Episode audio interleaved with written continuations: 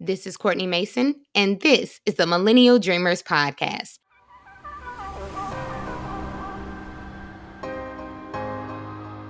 Hey, friend, Happy New Year. As the old folks say, it's been a good long while since we last spoke. And trust me when I say I have missed talking to you and connecting with all the listeners here at Millennial Dreamers. Um, so I'm excited. I'm excited for this new year. No matter how your 2021 started and ended, the fact of the matter is we made it over. All right, we are squarely in 2022. And what a time to be alive, am I right? And so you will see from the title of the episode that this is about setting a theme for the year. I like to start the year off um, with or just contemplating what the theme might be so that I can kind of put myself in the mind state of what I want to do, what I want to accomplish, and things like that. And so this year for New Year's Eve and New Year's Day, I spent a lot of time either journaling, reflecting, reading, cleaning out my closet, cleaning up the house, different things like that. And so I initially thought as I was writing that this would be the year of like discipline, discipline and focus. But I think a few days after New Year's Day, I spoke with one of my friends. Um, and the good thing about friendship, and I'm very grateful for the friends that I've had because they have listened to my dreams and my fears. Um, they've watched me have wins and they've also seen me self sabotage at times. They've seen me second guess myself with some of my ideas. They see me go after them, pivot, abandon things, um, pick them back up, and all sorts of things. So, my friend Andrea, she you know, is also on her own kind of dream chasing journey and seeking and learning, but she still has the frame of mind to remember the things that I've talked about that I've been going through, which I can really appreciate that. And so she was listening to a podcast that she really enjoys and she shared an episode with me. And it was an episode from the Over It and On With It podcast with Christine Hassler. Um, it was episode, I believe, 329. And Andrea shared it with me, and I was just like, oh, wow, this is so great. I was actually unfamiliar with Christine prior to, um, but she's a, a life coach, she's an author, and she's so many other amazing things. And on her show, she does live coaching calls on some of the episodes where a listener can call in and explain what their pain point might be. And Christine actually coaches them on the call uh, for other listeners, you know, the audience, us, we can hear um, the coaching call. And then afterwards, she will then explain why she coached that person in the way that she did and what was the reason for some of her pointers. And so it allows her to give specific advice to the to the caller but also to help listeners as well so we can kind of get a framework. And so, like I said, it was episode 329 and it was called it was entitled Let Go of Self Self-Doubt and Trust Your Intuition with Tammy. Tammy was a caller. I actually recommend listening to the episode in its entirety. Um, because she touched on a number of points that I think will serve anyone who's listening who has ever struggled with self doubt and, you know, trusting their own intuition, I would definitely recommend it. But one thing and one point in particular that really sat with me and why I wanted to crown 2022 as the year of radical self acceptance was one one point. And um, I'll just say that Tammy literally sounded like a stand in for myself. She asked about how she could trust her intuition more. Um, but she also brought up something that I really um, resonated with, and that's the habit of chronic learning, um, being a habitual learner, and how it can sometimes stall for stall forward progress. She said she struggled. I believe she was a coach and several other things, but one thing regarding her coaching, she basically, you know, explain how she always felt like she didn't know enough, right? She purchased lots of courses, trainings, um, certi- and she would go back and get certifications and just always constantly saying, "Oh, well maybe this will help me do X, Y, and Z. Oh, I think this will be a good thing for me to learn and add to my repertoire. It will help me with my students. It will help me seem more credible." And Christine made a point that a lot of us with self-doubt, we constantly look for ways to improve because in essence we're attempting to combat the feeling of not enoughness, quote unquote, um, with more information. Because at the, the the root of it all, we don't feel like we're enough. We don't feel that what we know right now and who we are and um, you know all of those things is enough to do whatever it is that we want to do, to chase whatever that dream is, to stand in it and you know be confident in it. So it looks a lot like what we call imposter syndrome, which I've talked about on the podcast before. And I am not unlike anyone else who is following their heart and going after a dream. I also deal with imposter syndrome to a certain degree. Um, you know, we want to make sure that we know everything sometimes uh, so people won't know that in some areas we're insecure um, or we question whether or not we can do things. And I have felt that as well. So Christine noted that confidence is self acceptance, right? Um, it's loving who you are right now. It's not trying to be something or someone else. It's acknowledging what you are and how you are in this moment right now and accepting that. Radical self acceptance is self love. And if we accept that we are not necessarily where we want to be, we are in a place of self love and not in judgment of ourselves, right? So, um, basically, Christine was telling Tammy, she was like, you know, it's not as if you are uh, trying to pull the wool over the uh, over your students' eyes, or you're not operating from a place of integrity. Um, you're not trying to act as if you know a bunch of things that you don't know.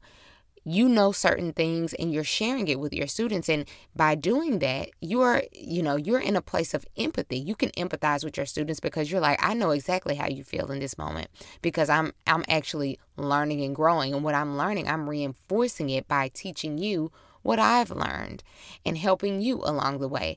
And I feel the same way about the podcast. I never um, put myself in a place where I'm considering my, myself to know everything. That's why I love having guests on because I can ask so many questions that I know so many of you might be listening and wondering how did this person get to this level of success? How did they in their industry, in their, you know, career path and their role, how did they get there? What were the things that led them to their position? And I'm a student, so I'm listening, and I, I feel it an honor to have this podcast to provide a platform for other entrepreneurs to share their work, but for listeners to gain some knowledge so that we can grow and we can get to whatever level that we are seeking to achieve. So I just thought that was a beautiful way. And if you listen, you'll see all the different things that they, they talked about how to know, uh, trust your intuition or, or recognize intuition versus fear what are the signs? Um, one thing that Christine mentioned is that we know it's our intuition if we can feel it within our body. Sometimes the fear thoughts come from our mind. We create that with our mind. But if it's your intuition, there is no fear you can feel it within your body. So she explained it beautifully. She talked about it beautifully. But um, that piece about self acceptance and self love is something that I said, you know what? This year isn't about discipline and focus. That those are sub themes for the year. This year is about accepting where we are now giving ourselves grace and compassion and not being our own worst critic because I I can be that person. I will, you know, even with friends sometimes they'll say, you know, why are you always making these jokes? I can do the self-deprecating thing where I make fun of myself or I poke fun, but I in in a way that's my way of poking fun at me before someone else can do it. And so I recognize that. And so I did look online to just kind of see what what other people are talking about. Is radical self-acceptance something that people talk about. And ironically, there are lots of people who are feeling the same way, so much so that one young lady I saw on Amazon wrote a book called Radical Self Acceptance, a Buddhist guide to freeing yourself. And the little intro or bio about the book, it says um, on radical self acceptance, this respected clinical psychologist and Buddhist meditation teacher shows you how to free yourself from the grip of your insecurities about being quote unquote good enough. And so I thought that was amazing. A few strategies that I thought um, that I, you know, I wanted to look up and see, okay, so what are some things that I can share just based on me looking into this as something that would be helpful for myself as well. What are some ways that we can practice radical self acceptance? And one article that I read on mindbodygreen.com was that first, we want to slow down whenever we feel ourselves starting to self judge. You know, take a moment, take a step back, and recognize that, you know, we're in a place of judgment and we're not in a place of self love. Um, so, you know, let's say for instance you have a goal, you would love for your body to be a certain thing. You would love to lose X amount of pounds, you know, whatever fill in the blank, whatever it is.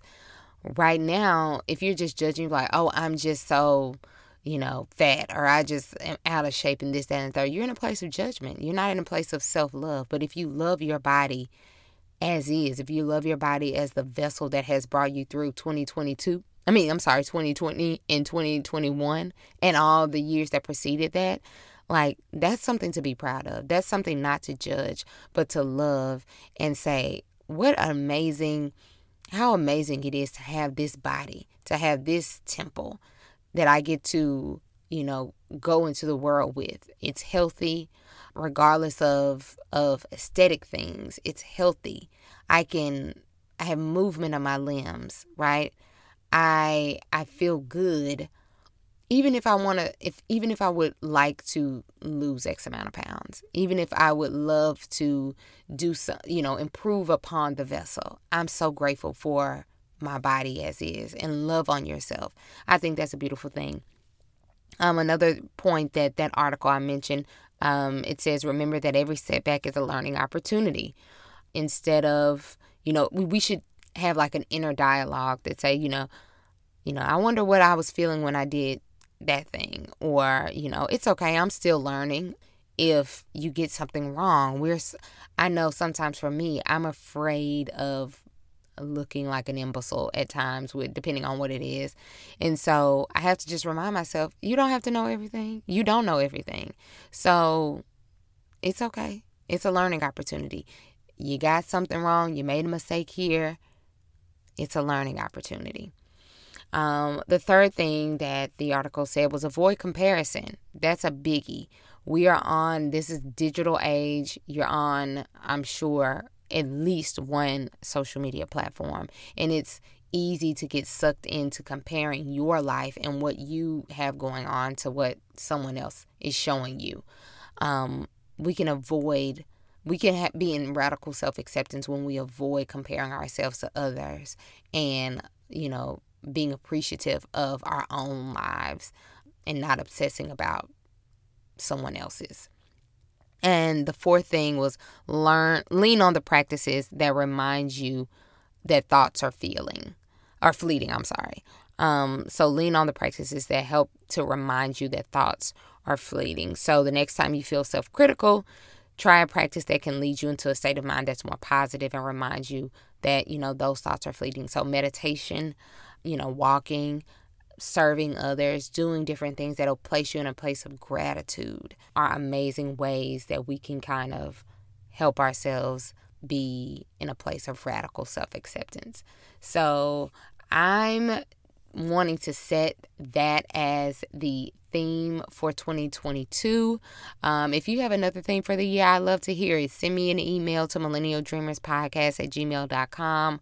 I love to hear from you. But I think for me, especially because I'm so, I, I, I can recognize that within myself that I have much work to do on just being okay with not being perfect. You know, this idea of perfectionism and all these feelings that drum up based on drum up because of it um, are not they aren't doing me any favors.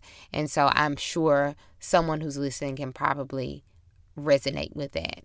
You know we have to give ourselves grace. We have dealt with some of the craziest things within the past two years come upon lots of challenges, I'm sure, and God bless you if you've had like an amazing two years. Um, but for most people, you've had at least some level of uh, hardship or some difficulty or some challenge you've had to work through um, just by adjusting to a way of life that's been different from what we've always known. So um, I think we can all agree that we need more grace, more compassion, more empathy for ourselves. And then we can then move into a place of improving and growing and developing. And um, it doesn't have to, you know, the two don't have to be, you know, completely exclusive from one another. We can improve upon ourselves while also accepting where we are and loving on ourselves. So, thank you so much for listening. I'm thrilled to be back. I'm thrilled to have sparks of creativity and inspiration again because, you know, for so long at the end, tail end of 2021, I, I kind of was combating that, those feelings of not being inspired or motivated. And I, I try my best to lean into that and accept that. But now that I'm, I'm on the other side of it, I'm like, you know what, you can lean more into self acceptance even more. So, thank you so much for listening. If you have not, subscribe to the podcast and leave a comment. I always say leave a comment. That's just like typical social media brain. Leave um what a review. Um you know, something on iTunes or Spotify if Spotify is allowed, wherever you're listening. Um, I could I appreciate it so much. It means the world to me, and um, we are we're gonna we're gonna do it and uh, sending so much love and positivity positivity to you. Peace and love, friends. Bye.